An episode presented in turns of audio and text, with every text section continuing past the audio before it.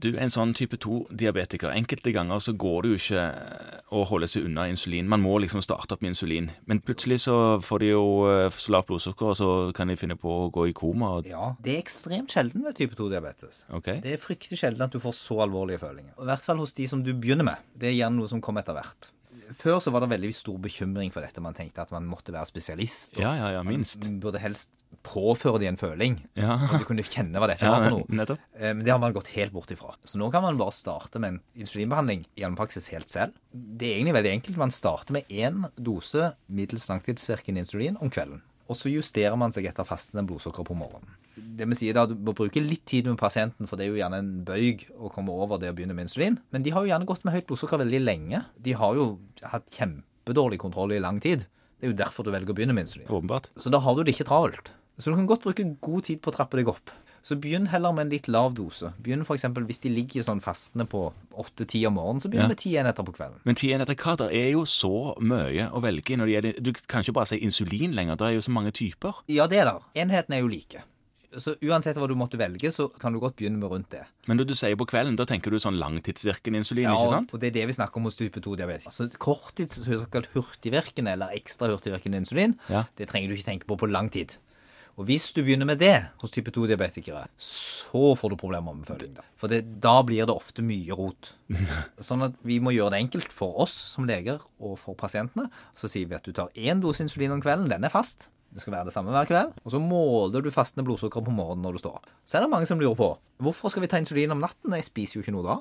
Det som skjer da, er at hvis insulinet blir lavt om natten, Ja. så tror leveren at blodsukkeret er lavt. Ja, Så da freser han i gang med sånn lage glukose og hiver det ut i blod. Ja, Og det er en insulinfølsom prosess, ikke en blodsukkerfølsom prosess.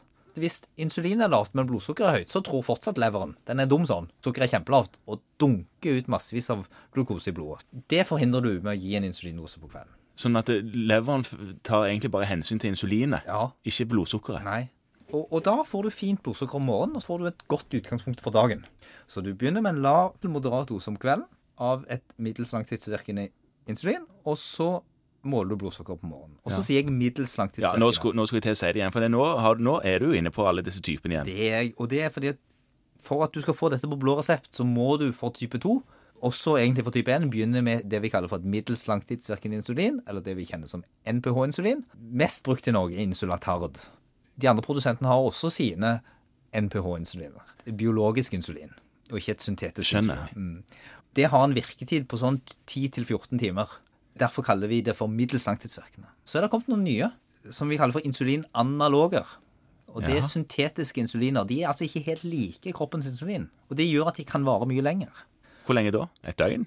Ja, lenger. Så vi har alltid fra de som varer sånn 16-18 timer, til de som varer i 36 timer. Og de gir en mye flatere blodsukkerkurve, eller en eller mye flatere påvirkning på blodsukkeret enn de gamle NPH-insulin. De begynner litt sånn forsiktig, og så har de en sånn jevn, fin bulk. Ser ut som en fin sånn haug. Mens de andre har en mye mer sånn der rett opp, flat og rett bort og ned-profil. Og det gjør at det er mye lettere å unngå følinger. Mye mer forutsigbar effekt av insulin. Ja, ja, ja. I tillegg til at du, hvis du har type 1-diabetes, holder med å stikke deg en gang om dagen. Hos type 2-erne så tenker vi som så at kroppen lager jo en del insulin selv ellers.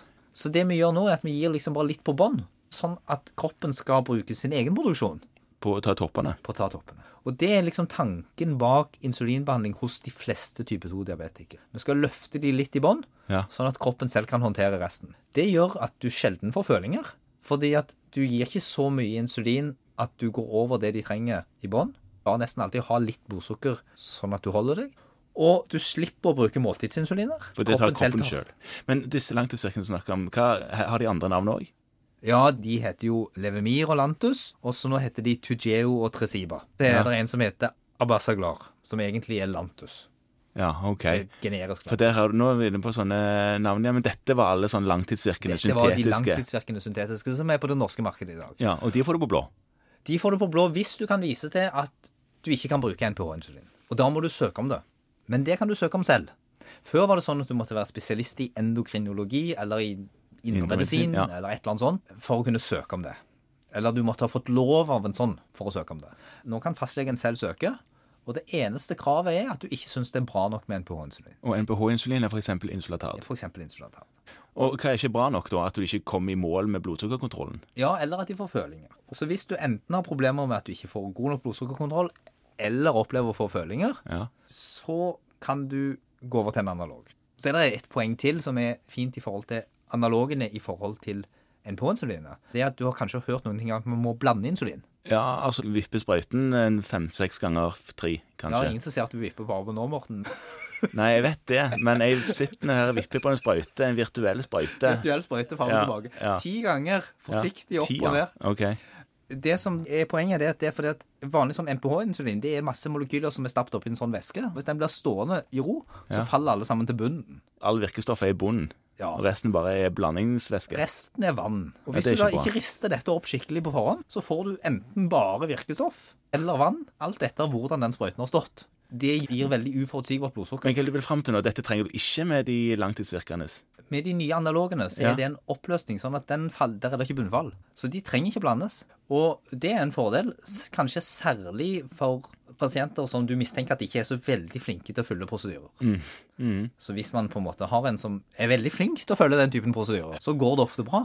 Men hvis du ikke har det, så gjør det ikke det. Og det er òg et lite tips at hvis du har en som står på NPH-insulin, og som har store svingninger i blodsukkeret sitt, så sjekk hva de gjør med sprøytene sine. Ja, Det kan jo være at de ikke gjør noen ting med de. Ja, og da er det sånn at hvis du da har tatt to doser helt i starten, og ikke blant sprøyten, så blir alle andre sprøyter etterpå feil. Fordi du har endra konsentrasjonen i den sprøyten.